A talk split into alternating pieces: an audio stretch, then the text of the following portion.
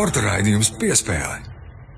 Labvakar! Latvijas radio ziņu dienests kārtējo Twitter spējas dzīvo audio sarunu pēc eh, Latvijas vīru basketbola izlases spēles, šoreiz mēs tiekamies pēc eh, pasaules kausa kvalifikācijas turnīra priekšpēdējā mača. Eh, mūsu komanda šokar ar eh, rezultātu 83 pret 74 apspēlēja izbraukumā Turciju. Tā mums bija astotā uzvara grupā, pirmā vieta eh, grupā, jo joprojām ar, ar, ar vienu un aizvienu ir nodrošināta. Un, un desmitā uzvara kopumā pēc kārtas, kas ir Latvijas izlases rekords. Nu, šovakar analizēsim redzēto kopā ar vairākiem atļaušos šo vārdu lietot speciālistiem. Kristaps Zeits ir RSUVF Rīga galvenais treneris. Sveicināts, Kristap! Tad mums eh, pievienosies, ir jau pievienojies Kristians Dilans, eh, viņš ir sporta centra kom žurnālists. Prieks arī tevi te virtuāli redzēt, Kristiāna. Nu, un Daniels Suha Oskaja, Turcijas Eirosporta komentētājs, kurš jau gadiem dzīvo Stambulā un varēs mums sniegt ekspertīzi arī no Turcijas puses. Sveiciens arī tev, Daniel. Un atgādinu, ka ikvienam no jums, kurš klausās šo sarunu, arī ir iespēja izteikties. Viss, kas jums ir jādara, ir jānospiež uz mikrofona podziņas kreisajā apakšējā stūrī request podziņu, un tad es eh, arī jums došu vārdu sarunas gaitā. Tā kā droši varam pieteikties un, un izteikties. Tad brīvā mikrofona eh, sporta versija. Eh, Atgādinu arī visiem dalībniekiem un visiem, kas runā, ka tad, kad runā kāds cits, tad izslēdzam mikrofonu, lai nav lieku trokšņu fonā. Nu, tā. Daniela, es sākšu ar tevi, jo pirms spēles bija klusuma brīdis. Turcija arī spēlēja mm, sev neierastās melnās formās, gluži tāpat kā Fenerbahčs vakar Eirolandes spēli. Uh, pieminot bojā gājušos zemestrīcēs Turcijā un Sīrijā, Kāda situācija ir šobrīd Turcijā, Daniela, kur tu esi, un, un, un, un vai basketbols vispār ir teiksim, tā būtisks sabiedrībā šobrīd? Labvakar. Nu, kopumā tiešām stāvoklis. Nu, Stambulā viss ir kārtībā, bet nu, tur, kur skāra zemestrīce, tiešām viss ir ļoti traģiski. Divas, trīs pilsētas vispār vajadzēs atjaunot no jauna. Ļoti daudz cilvēku ir bojā gājuši. Un nu, tiešām vislielākā traģēdija Turcijas vēsturē. Tā var nosaukt. Sportam un basketbolam vispār nozīme ir tāda, ka visi basketbola klubi, futbola klubi, nu, vispār kopumā visi sporta klubi sniedz visu palīdzību cietušajiem un tiešām ļoti labi strādā sociālā vidē, gan sociālajos tīklos, un ļoti palīdz cietušajiem. Bet, nu, kā sports, vispār sporta klubi, tā sporta jomā vispār uh, nestrādā, un sports tagad vispār ir trešajā vai ceturtajā vietā vispār. Un arī šī spēle nebija tik svarīga rezultāta ziņā. Un šī spēle bija tā kā uh, piemiņa cietušajiem un arī kā labdarības projekts vispār. Tā arī Basketbola federācija kopumā to stratēģiju taisīja.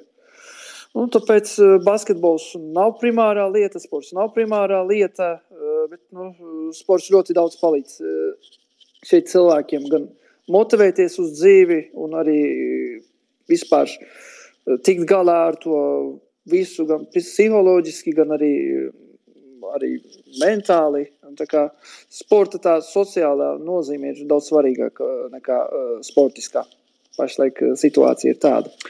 Nu, labi, bet ja mēs tomēr par to sportisko mm, iedod tādu kontekstu šim Turcijas izlases eh, modelim, kas šodien bija laukumā, cik spēcīga bija šī Turcijas izlase? Nu, šī Turcijas izlase nav no tām spēcīgākajām izlasēm. Nu, būs ļoti liela kodola maiņa. Eh, Atamants nebija kopā ar izlasi. Viņš izvēlējās turpināt ceļu ar EFS šodien. Eh, vadīja viņa asistents Sākans Demirs, kurš eh, Turcijas līgās ir strādājis eh, ļoti ilgus gadus. Nu, būs ļoti lielas pārmaiņas, bet vispār kopumā Turcijai, ja mēs runājam par to basketbolisko pusi, ir ļoti liels problēmas zem groza, ko tiešām Luka Banki ļoti labi izmantoja ar Āņģeļu spēles pirmajā daļā, un pēc tam uh, vispār rotācija bija ļoti laba. Gan uh, Čavars tur ļoti labi iesaistījās, gan Gražulis. Gan strautiņu viņš arī izmantoja, vispār analīze bija ļoti laba. Nu, Turcija ir vajadzīgs eh, viens ļoti labs garais, ja nevar vispār izmantot NBA spēlētājs, tad Turcija ir problēmas. Nu, NCA ir viens ļoti labs Turcijas spēlētājs, ļoti labs prospekts, bet viņu vēl izlasēja neviens nedomā, bet es domāju, ka būs kodola maiņa. Un arī ar saspēli Turcija ir problēmas. Ja nav Vilbekins un Lārkins, tad Turcija vispār ir ļoti grūti, ļoti tādu labu, ātru uzbrukumu vispār uztaisīt. Un, ar spacingu arī viņiem šodien aizsardzībā bija problēmas, jo komanda nav spēlējusi kopā vispār. Tikai divi, trīs spēlētāji ir kopā spēlējuši. Tas Turcija rada vislielākās problēmas kopumā. Bet es domāju, ka uz Turcijas izlases kontekstā, ja mēs runājam, viss ir pozitīvi un viss būs daudz labāk. Es vispār varu to salīdzināt ar Latvijas pārmaiņu pēc 2009. gada. Jo vispār viss būs no jauna. Es domāju, ka pēc pasaules kausa tās katastrofas. Eh, daudz NBA spēlētāji arī Turcijā var netikt, eh, nebūs saukt uz izlasi. Un vispār veidojās jauns kodols, un šī ir pirmie soļi. Nu, es skatos pozitīvi uz to, bet, protams, tas ir ilgtermiņa plāns, un ilgtermiņā es domāju, ka tas nostrādās. Bet, nu, kādus divus, trīs gadus es domāju, ka Turcijai vajadzēs izlaist. Nu, paldies tev par šo kontekstu. Ķeramies pie Latvijas izlases. Tas, protams, mūs interesē visvairāk. Kristiāna ļoti rezultātīvs basketbols jau no paša sākuma, jau pirmajā ceturtajā, viss pirmais puslaiks. Lai gan Turki patiesībā mēģināja spēlēt agresīvi, pat, pat riskanti brīžiem aizsardzībā, daudz arī uz tādām par saņemšanām sēdz. Turkiem trīniekos sākumā bija 7, 11. Kā, bet, bet Kristiāna, kā tu teiktu, slikta slikt aizsardzība vai meistarīgs uzbrukums bija tas, kas sekmēja to, to rezultatīvitāti pirmajā spēles daļā īpaši? Tā, labvakar visiem. Es teiktu, ka, ka īstenībā bija, manuprāt, meistarīgs uzbrukums, jo vismaz aizsardzībā daudz kur tikām līdzi, bet uh, Viņi arī pār, pār rokām iemeta. Uh, bet īstenībā paveicās arī, ka mēs paši ar to spējām atbildēt. Labi, ka, ka Žagars ienāca spēlē un, un parādīja to, ko, ko laikam visi ir gaidījuši kopš savu 18 čempionātu. Arī viņa sakarā gan ļoti žēl, ka, ka notraumējās un arī nedaudz paturpinot tālāk viņa sakarā. Tad uh, liekas, ka no sērijas, ja tā būtu riteņi, bet, ja nebūtu šī žagara savainojuma, tad man liekas, arī tā spēles izskaņa nebūtu tik, tik trauksmaina. Jā, par Žagaru Kristapu ehm, nu, ļoti pārliecinoši uzreiz jau no paša sākuma. Sāka gan, gan, gan kā rezervis ienāca no, no soliņa spēlē, lai gan iepriekš viņš izlasē nu, pie banki varbūt viņam bija pietrūcis. Tas tur droši vien ir dažādi apstākļi, objektīvi, subjektīvi. Kā tu, Kristap, skaidro to, ka šodien mēs redzējām pavisam citādāk žagaru laukumā tās minūtes, ko viņš pavadīja, nekā iepriekš pie banki? Sveiki visiem! Jā, uh, nu mēs redzējām pirms tam to žagaru, kāds viņš bija klubā, un tagad mēs redzējām to žagaru, kāds viņš ir šobrīd klubā. Es to tā izskaidrotu viņam. To, ka viņš māca spēlēt basketbolu, mēs esam redzējuši. Tā kā jau Kristians teica, 18 izlasē un arī pēc tam epizodis klubā, bet uh, viņš divus gadus Juventutā nebija spēlējis praktiski vispār. Uh, tāds viņš arī atbrauc uz izlasi. Uh, es domāju, ka viņa meistarības līmenis nebija krities, bet tas bija tīri psiholoģiski, kas viņam darījās galvā, cik viņš bija gatavs vai negatavs. Eh, un šodien tas bija pilnīgi cits spēlētājs mentāli, tāpēc, ka viņš arī klubā ir pilnīgi cits spēlētājs. Nu, viņš ir Lietuvas līnijas rezultātīvākais spēlētājs, pārliecinošs komandas līderis, un uh, viņš spēlē ar milzīgu pārliecību šobrīd. Mēs jau arī atceramies no U18 izlases, ka arī tur viņš spēlē ar milzīgu pārliecību. Tad, kad Žagaram ir pārliecība, viņš ir uh, ļoti, ļoti labs, nu, jebkurā līmenī. Ja mēs atceramies, teiksim, vasaru, tad uh, Žagaram sagādāja agresīvu aizsardzību no Lietuvas izlases, kas man ir palikusi atmiņā spēle. Ceļš izbraukumā, kas sagādāja ļoti liels problēmas, agresīvu aizsardzību pa visu laukumu. Tad šodien Turcijas izlase piedāvāja kaut ko ļoti līdzīgu. Turcijai bija ļoti jauns sastāvs, salīdzinoši tur vecākais spēlētājs ir 96. gads, kas ir septiņus gadus jaunāks nekā mums, Bērtāns un Kaģiks. Uh, Bet uh, Žagaram vispār nebija ar to problēmas. Viņš ļoti pārliecinoši novadīja saspēli, uh, iemeta pats un izveidoja arī situācijas partneriem. Tā kā, nu, es to skaidroju tīri tādu mentālo sagatavotību. Viņš, gadījumā. viņš sev šodien apliecināja, ka nu, teiksim, spēlētāji pasaules kausa sastāvam. Skaidrs, ka tur tā viena vieta pēc Lomaža, mm, pēc Lomaža savainojuma ir, ir brīva šobrīd. Jā, nu tas ir ļoti, ļoti atklāts jautājums manā skatījumā. Vēl jau pirmām kārtām vēl ir tāls ceļš līdz tam ejams. Tur vēl var viss kaut kas gadīties. Protams, ka cerēsim, ka treneriem būs jāizlemj ar visiem iespējamiem spēlētājiem, nevis ka kāds būs satraumējies un traumas, ievies kaut, kādās, kaut kādas korekcijas. Skaidrs, ka uz šo pozīciju mums šajā brīdī tiešām problēma nav. Uh, kas ir kombo gāri, teiksim, saucamie. Ja? Tur ir strēlnieks, tur ir Zoriks, tur ir uh, Dairis, tur ir Žagars, tur ir arī Leimans, kas ļoti labi ir sev parādījis vairākos ciklos. Tāpat tās arī Aigars. Šodien varbūt tas pirmais iznāciens nebija labs, bet pēc tam jau spēles izskaņā viņš bija tieši tas, kas pavilka un nospēlēja ar bumbu. Aigars izteikti var redzēt, ka labi spēlēja ir kā otrais numurs, kā, kā, kā, kā šūtingārds saucamais. Uh, tad, kad viņam ir vienam jākontrolē spēle, tad, kad viņš ir viens tikai kā saspēles vadītājs, tad radās mazas problēmas. Es piekritīšu Kristiānam, ka uh, me, tas saraustījums un tās problēmas sākās spēlēt tajā brīdī, kad uh, Žagars dabūja traumu, bet uh, nebija otrs, kas tajā brīdī varbūt viņu aizstāt, jo Leimans bija nospēlējis savu kaut kādu nogriezt, viņam bija jādod atpūta, Žagars bija notraumējies, un tad sanāca, ka nav laukumā ne Leimans, ne Žagars. Un uh, tad Aigars gāja pa viens, mēs redzējām, ka Aigaram tā tomēr nav tā ierastākā pozīcija šādā līmenī.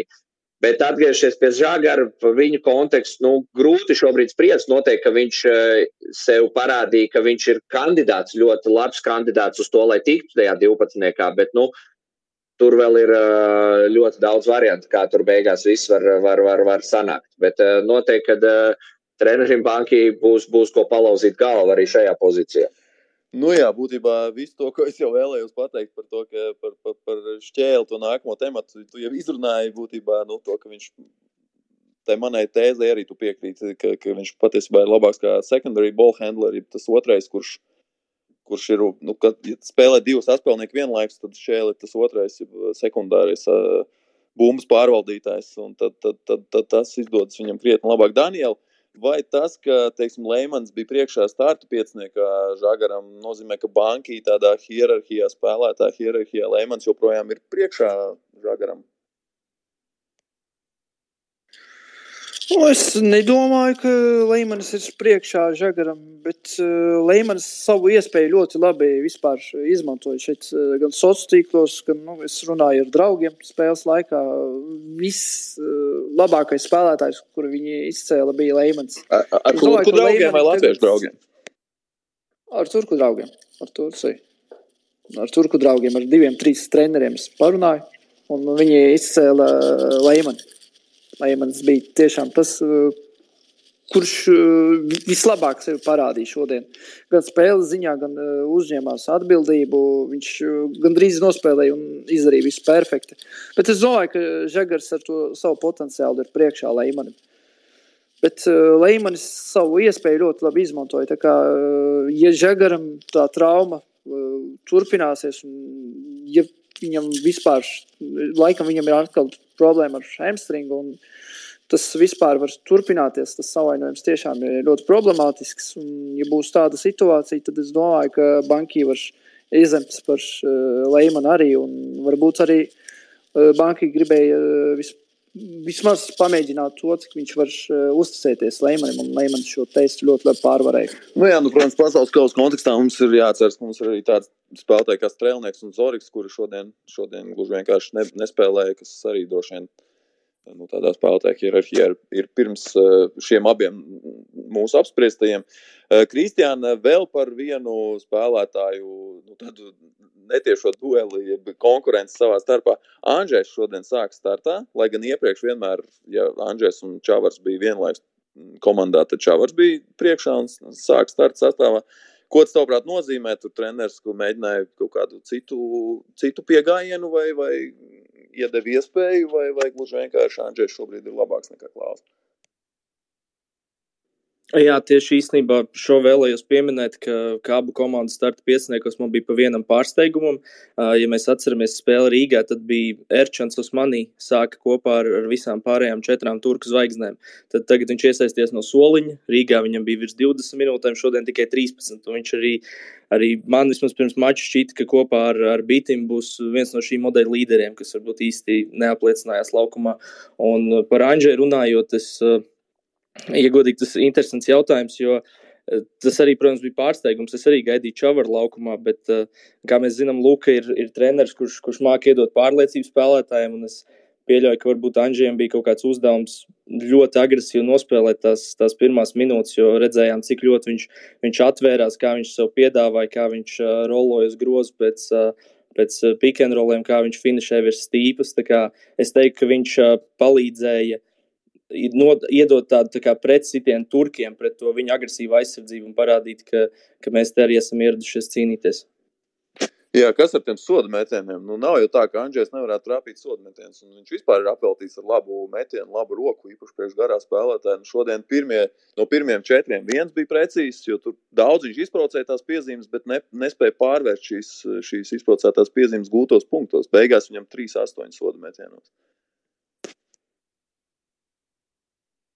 Bet eh, nu, tagad nav statistika atvērta, bet man liekas, viņš visu sezonu nav pārāk labi metis sodu metienus. Man vispār liekas, ka viņam kopš, eh, kopš viņš pameta Kanārijas un aizbrauca uz NBA, ka viņam ir eh, nedaudz pazudis tas metiens. Jo Kanārijās jau viņš arī uzbruka nedaudz no distances. Nu, visi amerikāņi sabojāja metienu. Nebūs pirmā latviešu centrs ar sabojātu metienu Amerikā. tas, protams, joks, bet uh, uh, Kristap, Turki labi meta no distances, un tad otrajā ceturdaļā, otrā ceturdaļas vidū mēs pārgājām uz zonu. Nu, klasiski šķiet, tiek uzskatīts, tomēr, ka zona ir tā aizsardzība, ko tieši ar precīziem metieniem no distances var, var, var pārvarēt visefektīvāk. Kāpēc, tavuprāt, treneris Banka izvēlējās šādu taktisko gājienu tajā brīdī? Es domāju, ka tas ir vairāk saistīts ar to, ka vienkārši izsist pretinieku no ritma, ņemot vērā, ka tas sagatavošanās posms uz šiem logiem un šīm spēlēm ir tik īss, ka tu nevari paspēt sagatavot visu. Un skaidrs, ka primāri tu gatavojies pret cilvēku, cilvēku aizsardzību un zonu. Tu varbūt pieskaries, paņem kaut kādas pāris sēdes, bet tu vienkārši fiziski nevari paspēt viņu tik labi sagatavot. Un tad uh, vairāk, lai komandai, kur ir uzņēmusi labu ritmu, uh, mazliet radīt apjukumu, varbūt kaut kur pārliecība pazūd, varbūt kāds aizmirst to konkrēto kombināciju pret zonu, un tas izsit mazliet no ritma uzbrukumā.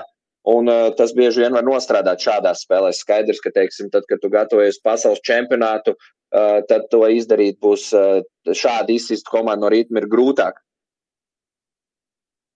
Šo es nejautāšu Kristapam, jo viņš kā treneris droši vien varētu nevēlēties atbildēt līdz galam godīgi, un, un, un tas varbūt arī saprotam. Bet prasīšu jums pārējiem, Kristiāna un, un Daniela, kuriem ikdienā nav ar tiesnešiem jāsadarbojas, vai, vai, vai jums nešķita, ka tiesneši pirmajā, nu ne tikai pirmajā puslaikā, visā spēlē mazliet par daudz kaut kādos brīžos iejaucas spēlē un varbūt kaut kur žargonā runājot arī nopeld un visas tās tehniskās, nesportiskās piezīmes, īpaši pirmajā puslaikā, jums, nu, jums šķiet, ka tiešām prasās Daniela?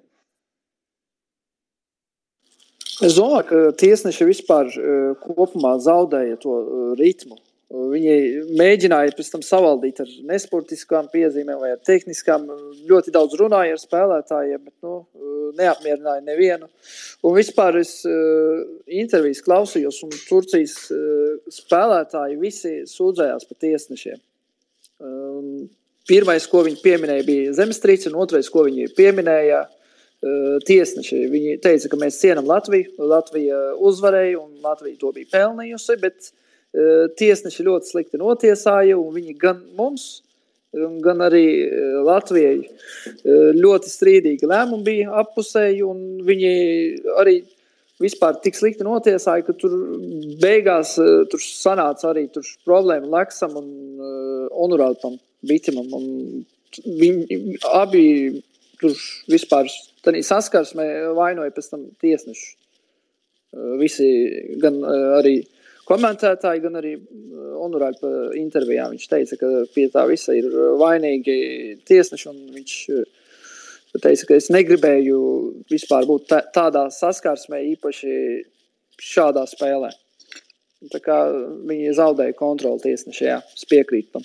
Kristiāna, nu, droši vien jau ne tikai turki varētu sūdzēties. Es, pieļa, es nezinu, vai kāds no Latvijas ir sūdzējies par tiesnešiem pēc spēles, zinot mūsu, mūsu varbūt ne tik emocionālu, emocionāls raksturs, varbūt arī tas nebija tā, bet, bet nu, droši vien jau arī no Latvijas puses tā, tā spēle, nu, ja mēs skatāmies tiesnešu darbību, nebija perfekta, vai ne? Nu, es, es, protams, kā Latvijas līdzekļs, nevaru būt līdz galam objektīvs, bet uh, man īpaši iekrita uh, Bitims acīs. Uh, ja atceramies, pirmā puslaika beigās bija tā, ka viņš bija, sanāk, bumba bija no skatoties ekrānā uz labā 45, un uh, tā uz kreisā 45 viņam bija tā kā cīņa ar ati, un ati uztaisīja tādu vienkārši bumbu, lai, lai paliktu kontaktā. Viņš pagriezās pret tiesnesi, tiesnesis iedod nesportisko uzreiz. Tā bija viena lieta, tad vēl bija, man liekas, kaut kāds. Uh, Eh, caurgājiens viņam pret strautiņu, kur viņš arī uh, diezgan tā uzskatām parādīja kontaktu tādā serbu stilā, un uh, tiesneši arī uz to ļoti noreaģēja, lai gan tur nelikās nekas tāds, un, uh, un arī tās epizodes pašās beigās ar Laksu. Un, un vēl bija viena, kur, man liekas, arī beigās viņam bija caurgājiens, un viņš vēl protestēja pie tiesnešiem, vēl spēlējot aizsardzībā. Viņam nepiešķīra ne tehnisko piezīmi, neko pat nekādu brīdinājumu, neko tam līdzīgu viņš tā ļoti iekrita acīs, jo arī, nu, manuprāt, tomēr viens no talantīgākajiem, vismaz šī modeļa spēlētājiem, nevēl viņam arī laba statistika Eiropausā. Es gribētu domāt, ka varbūt mūsu aizsargi viņi nedaudz arī izved no pacietības, jo, jo tie metieni viņam nebija tie vieglākie. Nu jā, labi, pie tiešiem īpaši nekavēsimies. Tas jau droši vien ir tas vecais stāsts. Nu, gluži tāpat kā par spēlētājiem. Labākie tiesneši nevar piedalīties šajās spēlēs.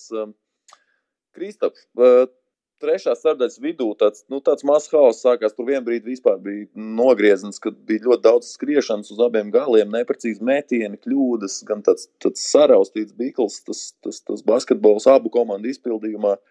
Nu, kāpēc tā? Kur tur pazuda tas spēles pavadens? Es gribētu teikt, ka tas pirmais puslaiks bija pārāk labs. un negaidīt labs kādam viņam pie šī modeļa un šīs sagatavotības, ka mēs varam patrenēties divas, maksimums trīs dienas, saliekot, izraujot spēlētājs no klubiem ārā, un tad viņiem ir jāspēlē, un tā spēles likme varbūt šajā konkrētā brīdī nav tik liela, bet parasti ir pietiekami liela katrai spēlei.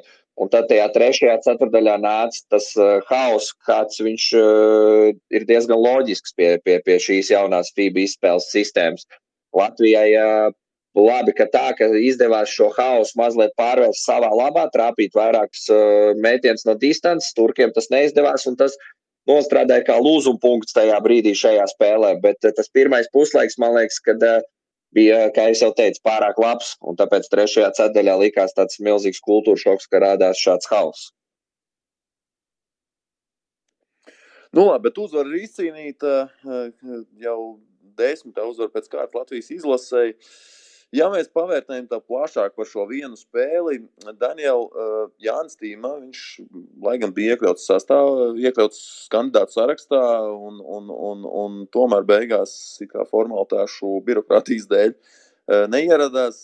Viņa tā neierašanās maina viņa izredzes tikt uh, izvēlētam sastāvā uz pasaules kausa tavuprāt.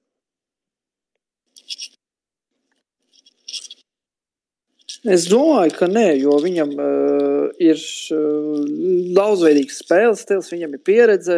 Es domāju, ka banki viņu var izmantot. Jo banki viņam uh, uzticējās arī iepriekšējā lokā, ka vispār neviens negaidīja, ka viņu tur piesaistīs izlasē. Viņš bija kandidātos, un viņš arī diezgan solīdu uh, laiku nospēlēja. Tāpēc es domāju, ka banki viņu izmantos arī pasaules čempionātā, jo tiešām pieredze mums būs ļoti vajadzīga. Un, Timam tā pieredze ir. Nu, jā, bet tur, protams, jāatcerās, ka pagājušā reizē bija tieši problēmas ar trešiem numuriem. Kristiāna, tu arī esi tikpat optimistisks Timas sakarā.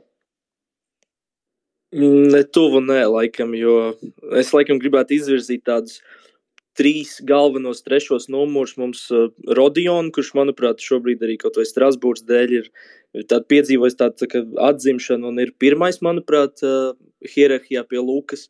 Un tad ir Arthurs Strautiņš un, un Jānis Tīm. Un, uh, es ļoti šaubos, ka mēs ar, ar visiem trīs aizbrauksim. Un, uh, par cik mums būs, mums būs Kristaps, mums būs arī citi izpildītāji, tad uh, es laikam dotu priekšroku abiem 98. gadu gājumu džekiem. Nu jā, un vēl jau tomēr eh, vasarā pret Turciju Dāvis Bērtāns spēlēja ļoti daudz, tieši kā trešais numurs, vienlaicīgi ar Šmītu esot laukumā. Eh, Kristap, kādu tu redzi šo, šo it kā vieglā uzbrucēju, nu, jeb uzbrucēju pozīciju?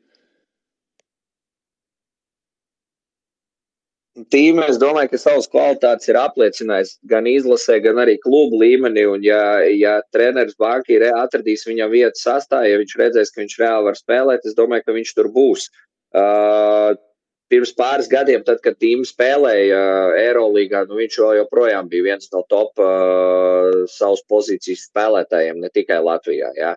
Uh, protams, ka tas atkal Tad atgriežamies pie tā paša, kā treneris banka redzēs to sastāvu un, un cik viņš mums ir dziļš un, un, un kā kurš spēlētājs tajā konkrētā brīdī izskatīsies. Bet, uh, nu jā, nu arī ļoti, ļoti grūti pateikt. Tāpat kā pa aizsargiem šajā brīdī tur arī būs jālauz galva un jāsaprot, kurš, kurš ar kuru labāk spēlē. Nu, tīm atkal ir daudz pieredzējušāks nekā, nekā atkal šie abi džeki, jā, bet nevienu nenoniecinot tā ir sarežģīta. Nav man tāds arī viens konkrēts atbildes. Man ļoti, ļoti patīk, kā tīma izstījās iepriekšējā logā. Es biju ļoti patīkami pārsteigts. Arī līdz šim tīma vienmēr, nu, viņš izlasē nekad nav slikti spēlējis. Jā, un, un, un, ja tev ir tāds spēlētājs kā tīma un viņš ir gatavs palīdzēt, tad varbūt ir jāatrod viņa vieta tajā izlasē, bet nu sarežģīti šobrīd pateikt. Kristap, tu esi, tu esi bijis pie izlases, es biju treneris štābā. Kā, kādi būs Lukas Banki ceļavārdi pirms, pirms tās pēdējās spēles pirmdienē?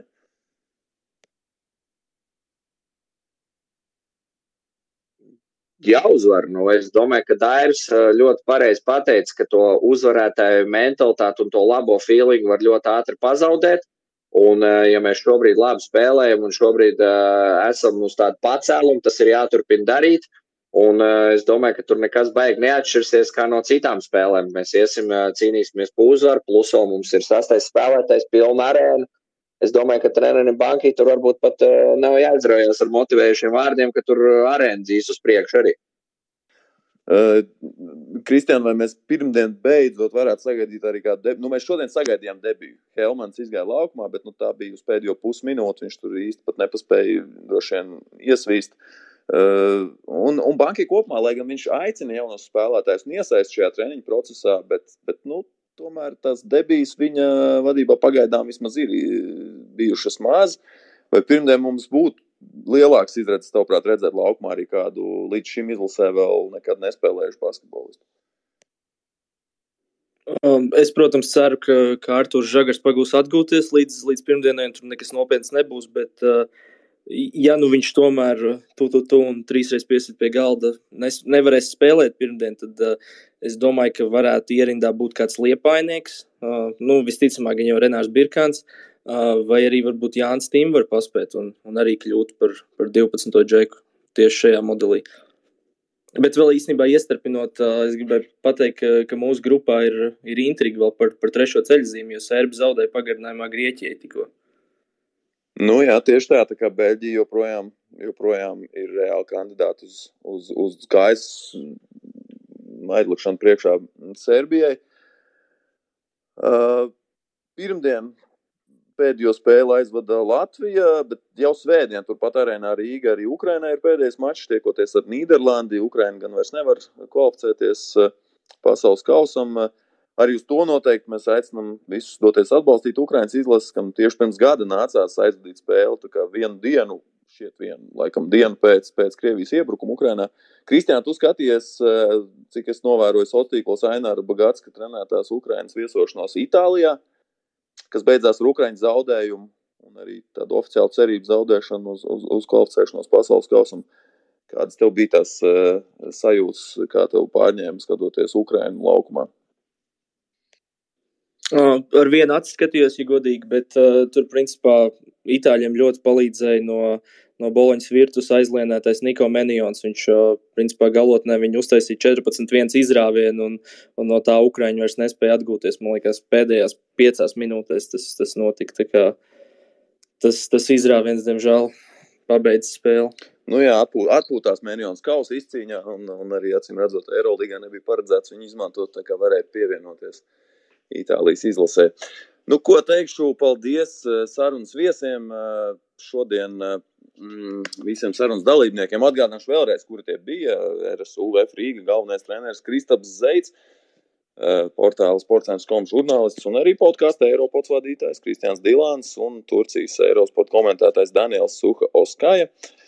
Nu, un, ja kāds šai sarunai pieslēdzās vēlāk un, un vēlas noklausīties to no sākuma, tad to būs iespēja izdarīt turpmākās 30 dienas tepat Latvijas radio ziņu dienas Twitter kontā, bet vēl ērtāk to noteikti būs paveikt podkāstā piespēle, ko varat sameklēt gan Latvijas radio mobilajā lietotnē, gan visās lielākajās podkāstu traumēšanas vietnēs. Tur jau no rītdienas viss arī šī saruna pilnā garumā un aicinu arī tur pieskot šim podkāstam un ieteikt to citiem, ja jums patika.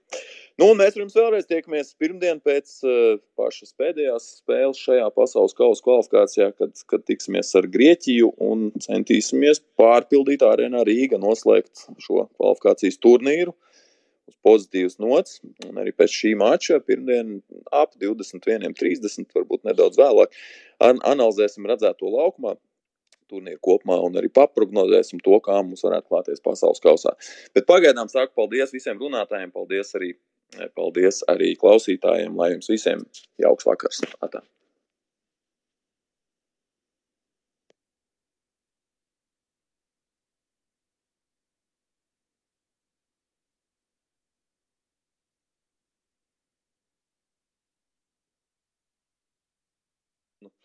Labvakar! Latvijas radio ziņu dienests kārtējo Twitter spējas dzīvo audio sarunu pēc eh, Latvijas vīru basketbola izlases spēles, šoreiz mēs tiekamies pēc eh, pasaules kausa kvalifikācijas turnīra priekšpēdējā mača. Eh, mūsu komanda šokar ar rezultātu 83 pret 74 apspēlēja izbraukumā Turciju.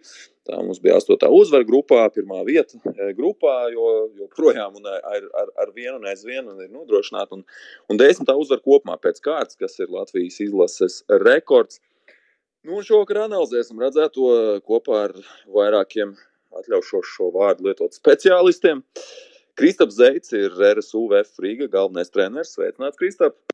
Tad mums e, pievienosies ir jau pievienojies Kristians Dilans, viņš ir sporta centra kom žurnālists. Prieks arī tevi te virtuāli redzēt, Kristiāna. Nu, un eh, Daniels eh, Suha Oskaja, Turcijas Eirosporta komentētājs, kurš jau gadiem dzīvo Stambulā un varēs mums sniegt ekspertīzi arī no Turcijas eh, puses. Sveiciens arī tev, Daniel. Un atgādinu, ka ikvienam no jums, kurš klausās šo sarunu, arī ir iespēja izteikties. Viss, kas jums ir jādara, ir jānospiež uz eh, mikrofona podziņas, kreisajā apakšējā stūrī request eh, podziņu, un tad es eh, arī jums došu vārdu sarunas gaitā. Tā kā droši varam pieteikties un, un izteikties. Tad brīvā mikrofona sporta versija. Atgādinu arī visiem dalībniekiem un visiem, kas runā, ka tad, kad runā kāds cits, tad izslēdzam mikrofonu, lai nav lieku trokšņu fonā. Nu, tā. Daniel, es sākšu ar tevi, jo pirms spēles bija klusuma brīdis. Turcija arī spēlēja mm, sev neierastās melnās formās, gluži tāpat kā Fenerbahčs vakar Eirolandes spēli. Pieminot bojā gājušos zemestrīcēs Turcijā un Sīrijā. Kāda situācija ir šobrīd Turcijā, Daniel, kur tu esi un, un, un, un vai basketbols vispār ir teiksim, tā, būtisks sabiedrībā šobrīd? Nu, labvakar. Nu, kopumā tiešām stāvoklis. Nu, Stambulā viss ir kārtībā, bet nu, tur, kur skāra zemestrīce, tiešām viss ir ļoti traģiski. Divas, trīs pilsētas vispār vajadzēs atjaunot no jauna. Ļoti daudz cilvēku ir bojā gājuši. Un tiešām vislielākā traģēdija Turcijas vēsturē. Tā var nosaukt. Sportam un basketbolam vispār nozīme ir tāda, ka visi basketbola klubi, futbola klubi, nu, vispār kopumā visi sporta klubi uh, sniedz visu palīdzību cietušajiem un tiešām ļoti labi strādā sociālā vidē, gan sociālajos tīklos, un ļoti palīdz cietušajiem. Bet, nu, kā sports, vispār sporta klubi, tā sporta jomā vispār nestrādā, un sports tagad vispār ir trešajā vai ceturtajā vietā vispār. Un arī šī spēle nebija tik svarīga rezultāta ziņā. Un šī spēle bija tā kā eh, piemiņa cietušajiem un arī eh, kā labdarības projekts vispār. Tā arī Basketbola federācija kopumā to stratēģiju taisīja.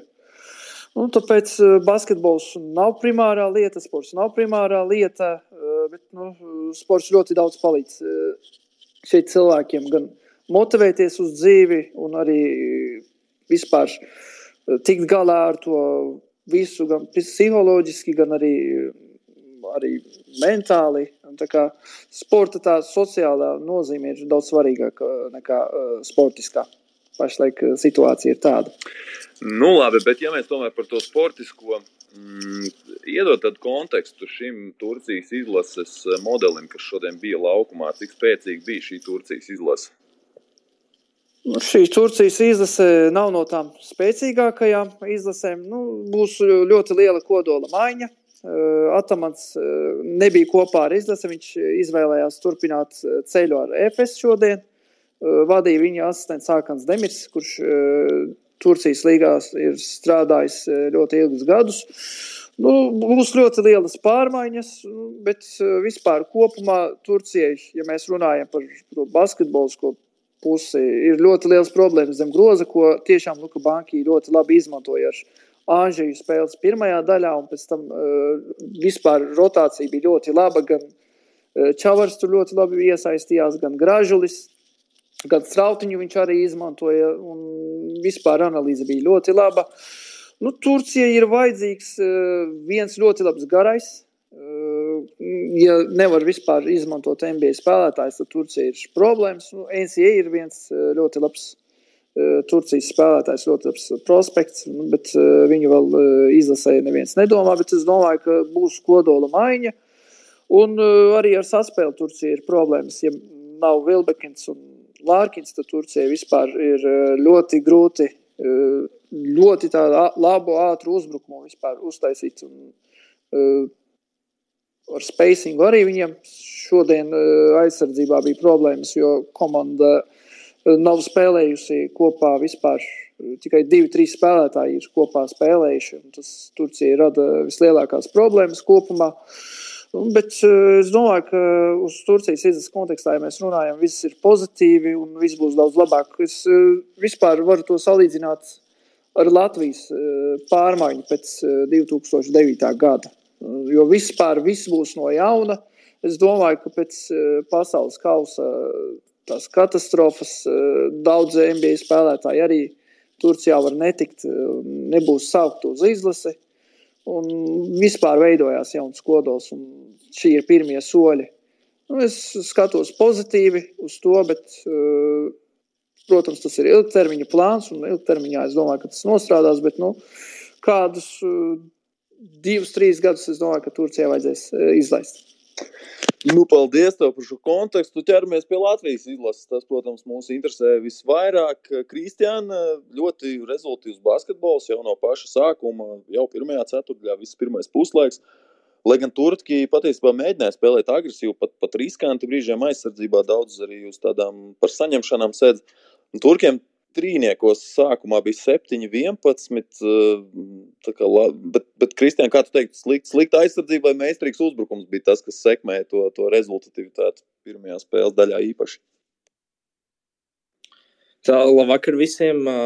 Es teiktu, ka, ka īstenībā bija, manuprāt, meistarīgs uzbrukums, jo vismaz aizsardzībā daudz kur tikām līdzi, bet uh, Viņi arī pār, pār rokām iemeta. Uh, bet īstenībā paveicās arī, ka mēs paši ar to spējām atbildēt. Labi, ka, ka Žagars ienāca spēlē un, un parādīja to, ko, ko laikam visi ir gaidījuši kopš savu 18 čempionātu. Arī viņa sakarā gan ļoti žēl, ka, ka notraumējās un arī nedaudz paturpinot tālāk viņa sakarā. Tad uh, liekas, ka no sērijas, uh, ja tā būtu riteņi, bet, ja nebūtu šī žagara savainojuma, tad man liekas, arī tā spēles izskaņa nebūtu tik, tik trauksmaina.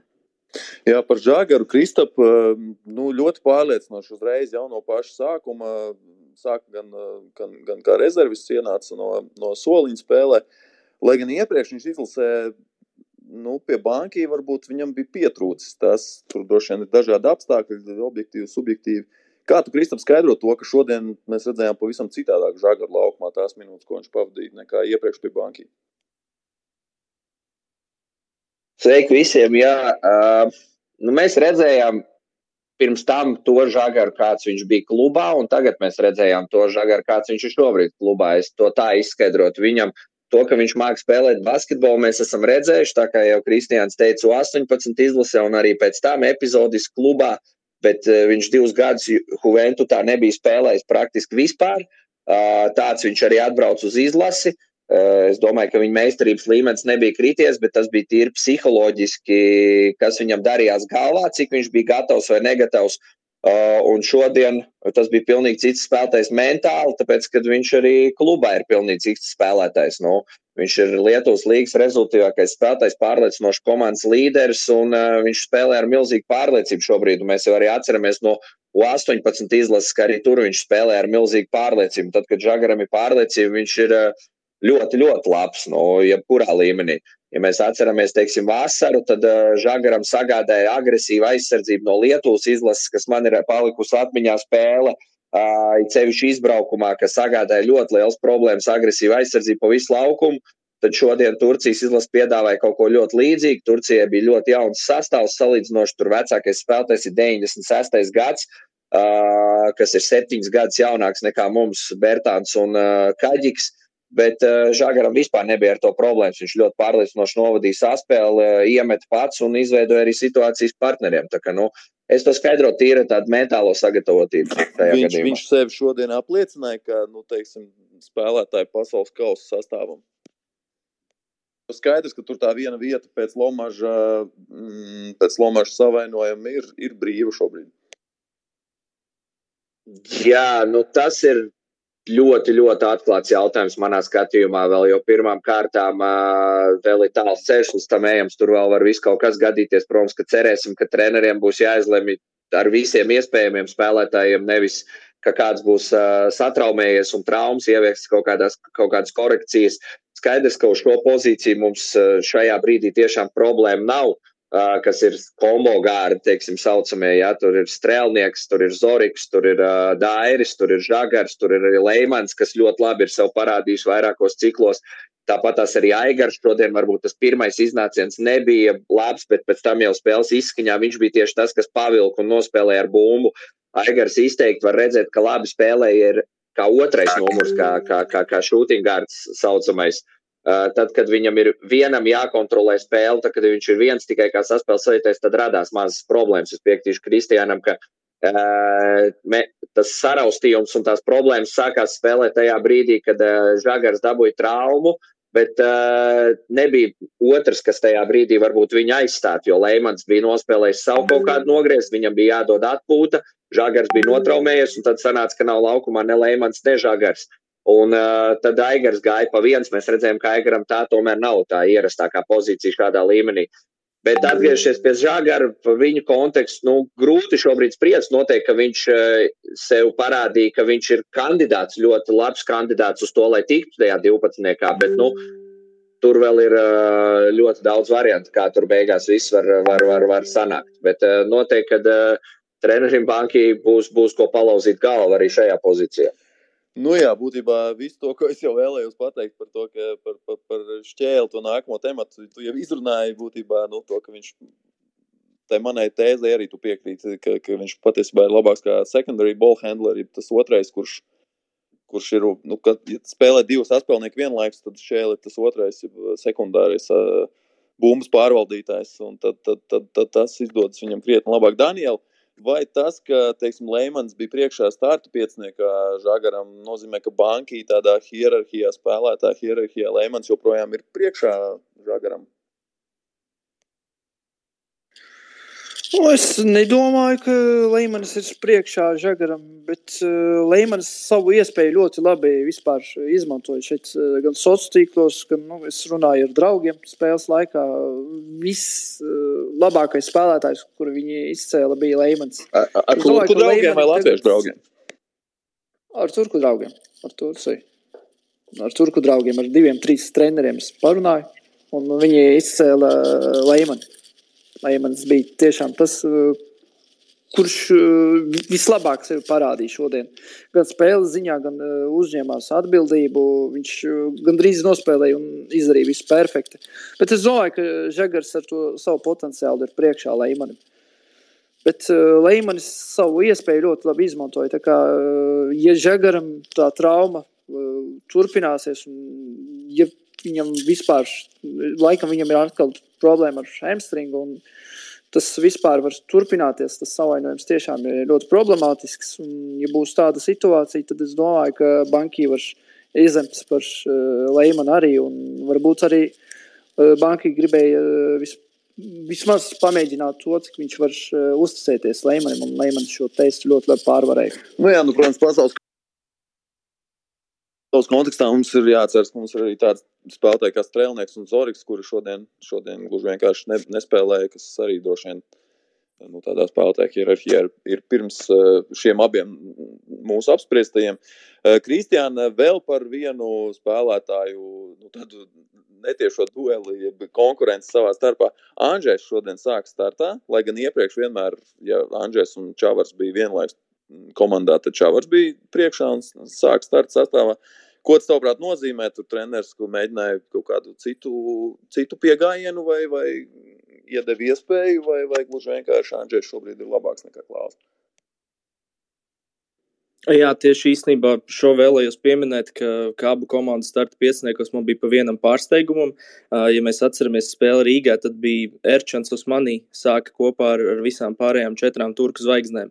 Tad tagad viņš iesaisties no soliņa. Rīgā viņam bija virs 20 minūtēm, šodien tikai 13. Viņš arī, arī man vismaz pirms mača šķita, ka kopā ar, ar Bitim būs viens no šī modeļa līderiem, kas varbūt īsti neapliecinājās laukumā. Un par Anģēru runājot, es Ja godīgi, tas ir interesants jautājums, jo eh, tas arī, protams, bija pārsteigums. Es arī gaidīju Čavaru laukumā, bet, eh, kā mēs zinām, Luka ir, ir treneris, kurš, kurš māca iedot pārliecību spēlētājiem. Es pieļauju, ka varbūt Anģijam bija kaut kāds uzdevums ļoti agresīvi nospēlēt tās, tās pirmās minūtes, jo redzējām, cik ļoti viņš, viņš atvērās, kā viņš sev piedāvāja, kā viņš uh, rolojas grozu pēc. Uh, Pēc pikantroliem, kā viņš finšēja virs stīpas. Es teiktu, ka viņš uh, palīdzēja uh, no, iedot tādu tā kā pretsitienu turkiem pret to viņu agresīvu aizsardzību un parādīt, ka, ka mēs te arī esam ieradušies cīnīties.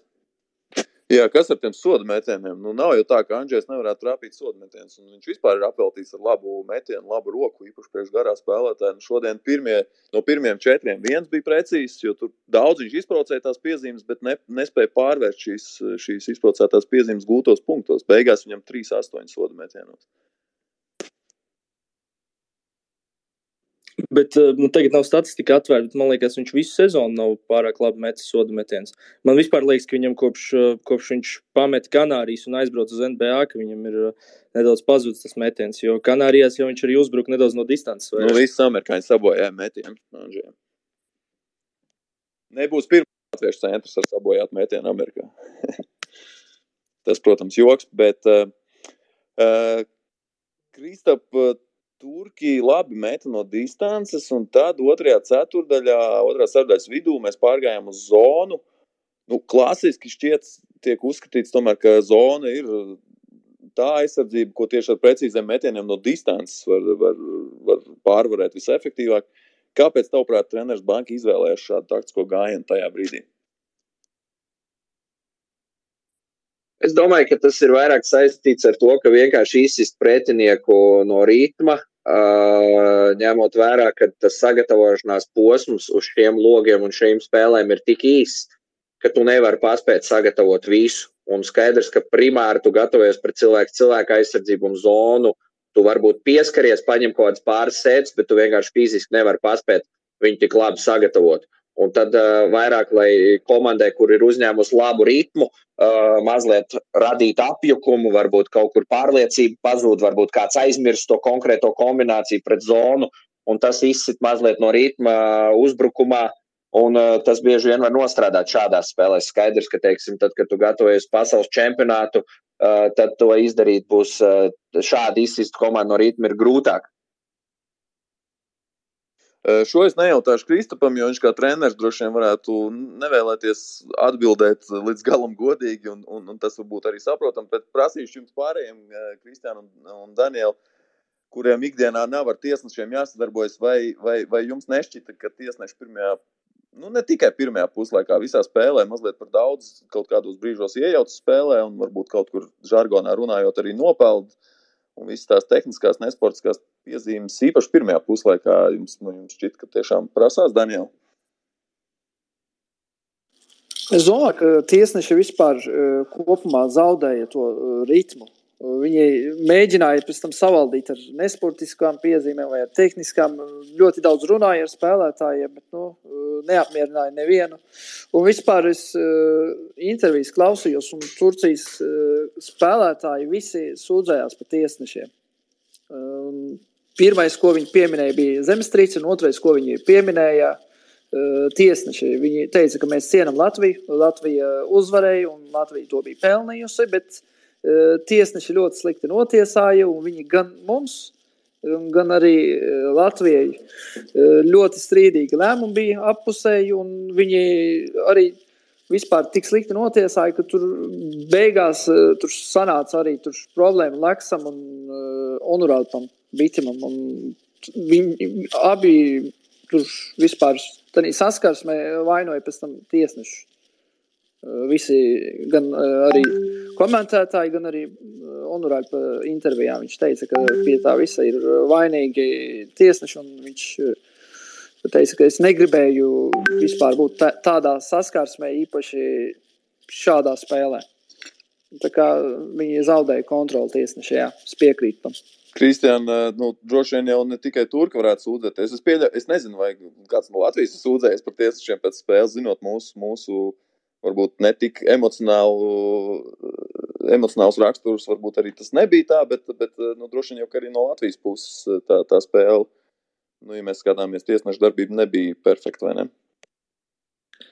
Nu, es, es, protams, kā Latvijas līdzekļs, nevaru būt līdz galam objektīvs, bet uh, man īpaši iekrita uh, Bitims acīs. Uh, ja atceramies, pirmā puslaika beigās bija tā, ka viņš bija, sanāk, bumba bija no skatoties ekrānā uz labā 45, un uh, tā uz kreisā 45 viņam bija tā kā cīņa ar Ati, un Ati uztaisīja tādu vienkārši bumbu, lai, lai paliktu kontaktā. Viņš pagriezās pret tiesnesi, tiesnesis iedeva nesportisko uzreiz. Tā bija viena lieta, tad vēl bija, man liekas, kaut kāds uh, caurgājiens viņam pret strautiņu, kur viņš arī uh, diezgan tā uzskatām parādīja kontaktu tādā serbu stilā, un tiesneši arī uz to ļoti noreaģēja, lai gan tur nelikās nekas tāds, un, un arī tās epizodes pašās beigās ar Laksu. Un, un vēl bija viena, kur, man liekas, arī beigās viņam bija caurgājiens, un viņš vēl protestēja pie tiesnešiem, vēl spēlējot aizsardzībā. Viņam nepiešķīra ne tehnisko piezīmi, neko pat nekādu brīdinājumu, neko tam līdzīgu. Viņš tā ļoti iekrita acīs, jo arī, nu, manuprāt, tomēr viens no talantīgākajiem, vismaz šī modeļa spēlētājiem, nevēl viņam arī laba statistika Eiropasā. Es gribētu domāt, ka varbūt mūsu aizsargi nedaudz arī izved no pacietības, jo, jo tie metieni viņam nebija tie vieglākie. Nu jā, labi, pie tiešiem īpaši nekavēsimies. Tas jau droši vien ir tas vecais stāsts. Nu, tāpat kā par spēlētājiem. Labākie tiesneši nevar piedalīties šajās spēlēs. Kristap, trešā sadaļas vidū tāds, nu, tāds mazs hauss sākās. Tur vienā brīdī bija nogrieznis, kad bija ļoti daudz skriešanas uz abiem galiem, neprecīzi metieni, kļūdas, gan tāds, tāds saraustīts bikls, tas, tas, tas basketbols abu komandu izpildījumā. Nu, kāpēc tā? Kur tur pazuda tas spēles pavadens?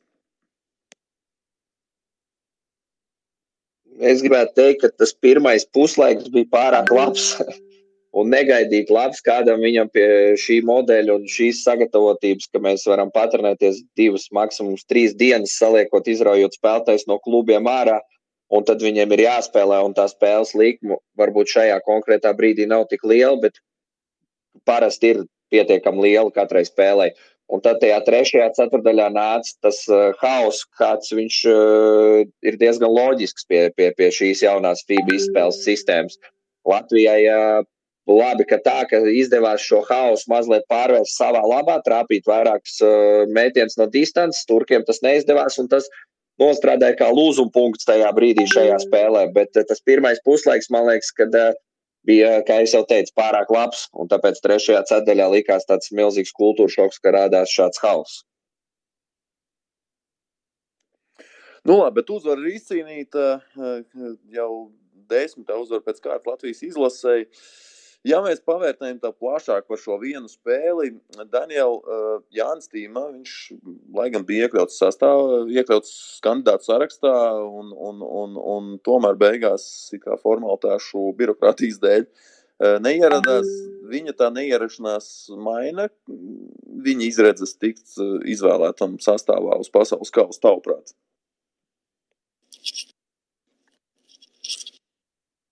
Es domāju, ka nē, jo viņam uh, ir uh, daudzveidīgs spēles stils, viņam ir pieredze. Es domāju, ka banki viņu var izmantot. Jo banki viņam uzticējās arī iepriekšējā lokā, ka vispār neviens negaidīja, ka viņu tur piesaistīs izlasē.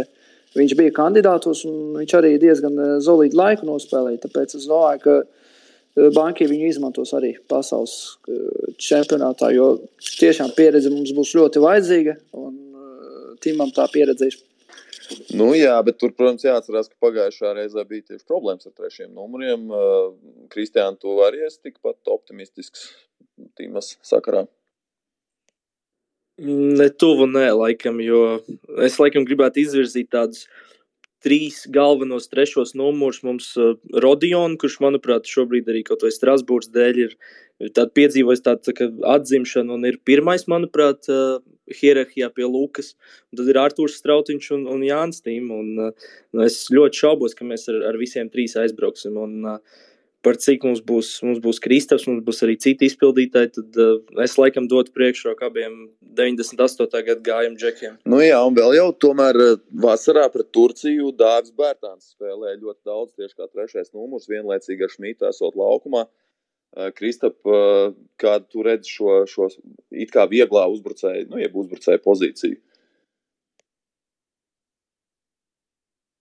Tīmē, es domāju, ka savas kvalitātes ir apliecinājis gan izlasē, gan arī klubu līmenī. Un, ja, ja treneris Banki atradīs viņam vietu sastāvā, ja viņš redzēs, ka viņš reāli var spēlēt, es domāju, ka viņš tur būs. Uh, pirms pāris gadiem, tad, kad Tīms spēlēja uh, Eirolandā, nu, viņš joprojām bija viens no top uh, savas pozīcijas spēlētājiem, ne tikai Latvijā. Ja. Uh, protams, ka tas atkal atgriežamies pie tā paša, kā treneris banka redzēs to sastāvu un, un cik viņš mums ir dziļš un, un, un kā kurš spēlētājs tajā konkrētā brīdī izskatīsies. Bet, uh, nu jā, nu arī ļoti, ļoti grūti pateikt. Tāpat kā pa aizsargiem šajā brīdī tur arī būs jālauz galva un jāsaprot, kurš, kurš ar kuru labāk spēlē. Nu, tīma atkal ir daudz pieredzējušāks nekā, nekā atkal šie abi džeki, jā, bet nevienu nenoniecinot. Tā ir sarežģīta. Nav man tāds arī viens konkrēts atbildes. Man ļoti, ļoti patīk, kā tīma izstījās iepriekšējā logā. Es biju ļoti patīkami pārsteigts. Arī līdz šim tīma vienmēr, nu, viņš izlasē nekad nav slikti spēlējis. Jā, un, un, un, ja tev ir tāds spēlētājs kā tīma un viņš ir gatavs palīdzēt, tad varbūt ir jāatrod viņa vieta tajā izlasē, bet nu sarežģīti šobrīd pateikt. Kristap, tu esi, tu esi bijis pie izlases, es biju treneris štābā. Kā, kādi būs Lukas Banka ceļa vārdi pirms, pirms tās pēdējās spēles pirmdienē?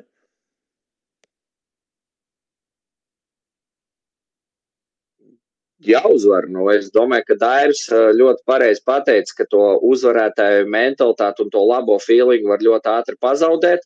Un, ja mēs šobrīd labi spēlējam un šobrīd uh, esam uz tādu pacēlumu, tas ir jāturpina darīt. Uh, Un uh, es domāju, ka tur nekas baigi neatšķirsies kā no citām spēlēm. Mēs iesim, uh, cīnīsimies par uzvaru, plus vēl mums ir sastais spēlētājs, pilna arēna. Es domāju, ka trenerim bankai tur varbūt pat uh, nav jāizraujas ar motivējušiem vārdiem, ka tur arēna dzīs uz priekšu arī.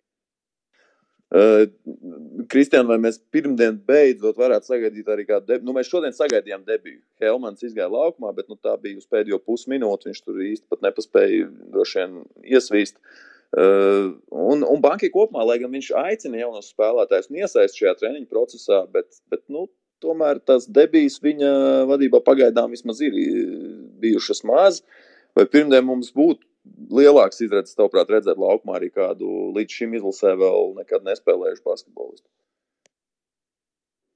Um, es, protams, ceru, ka, ka Arthurs Žagars pagūs atgūties līdz, līdz pirmdienai, un tur nekas nopietns nebūs. Bet, uh, ja nu viņš tomēr tu, tu, tu un trīsreiz piesit pie galda, nes, nevarēs spēlēt pirmdien, tad uh, es domāju, ka varētu ierindā būt kāds liepainieks. Uh, nu, visticamāk, gan jau Renārs Birkāns, uh, vai arī varbūt Jānis Tīm var paspēt un, un arī kļūt par, par 12. džeku tieši šajā modelī. Bet vēl īstenībā iestarpinot, es gribēju pateikt, ka, ka mūsu grupā ir, ir intriga vēl par, par trešo ceļzīmi, jo Sērbi zaudēja pagarinājumā Grieķijai tikko. Nu, jā, tieši tā, tā kā Beļģija joprojām, joprojām ir reāli kandidāti uz, uz, uz gaisa.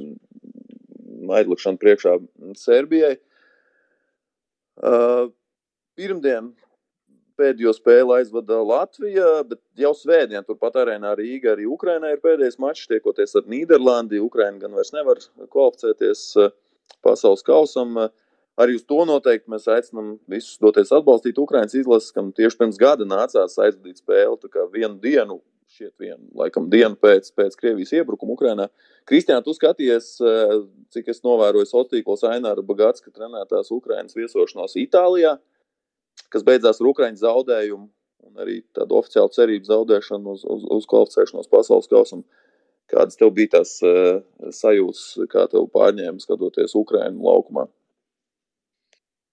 Uh, ar vienu acu skatījos, ja godīgi, bet uh, tur, principā, Itāļiem ļoti palīdzēja no, no Boloņas virtuves aizlienētais Niko Menijons. Viņš, uh, principā, galotnē viņu uztaisīja 14-1 izrāvienu, un, un no tā Ukraiņa vairs nespēja atgūties. Man liekas, pēdējās piecās minūtēs tas, tas notika. Kā, tas, tas izrāviens, diemžēl, pabeidz spēli. Nu jā, atpūt, atpūtās Menijons kausa izcīņā, un, un arī, acīm redzot, Eirolandā nebija paredzēts viņu izmantot, tā kā varēja pievienoties. Itālijas izlasē. Nu, ko teikšu, paldies eh, sarunas viesiem. Eh, šodien eh, mm, visiem sarunas dalībniekiem atgādināšu vēlreiz, kuri tie bija. RSU VF Rīga galvenais treneris Kristaps Zeits, portāla sports.com žurnālists un arī podkāstu Eiropas vadītājs Kristians Dilāns un Turcijas Eiropas komentētājs Daniels Suha Oskaja. Uh, nu, un, ja kāds šai sarunai pieslēdzās vēlāk un, un vēlas noklausīties to no sākuma, tad to būs iespēja izdarīt. Turpmākās 30 dienas tepat Latvijas radio ziņu dienas Twitter kontā, bet vēl ērtāk to noteikti būs paveikt podkāstā piespēle, ko varat sameklēt gan Latvijas radio mobilajā lietotnē, gan visās lielākajās podkāstu traumēšanas vietnēs. Tur jau no rītdienas viss arī šī saruna pilnā garumā un aicinu arī tur pieskot šim podkāstam un ieteikt to citiem, ja jums patika. Nu, mēs ar jums vēlreiz tiekamies pirmdien pēc uh, pašas pēdējās spēles šajā pasaules kausa kvalifikācijā, kad, kad tiksimies ar Grieķiju un centīsimies pārpildīt arēnā Rīga, noslēgt šo kvalifikācijas turnīru uz pozitīvas nots. Un arī pēc šī mača, pirmdien ap 21.30, varbūt nedaudz vēlāk, an analizēsim redzēto laukumā, turnīru kopumā un arī paprognozēsim to, kā mums varētu klāties pasaules kausā.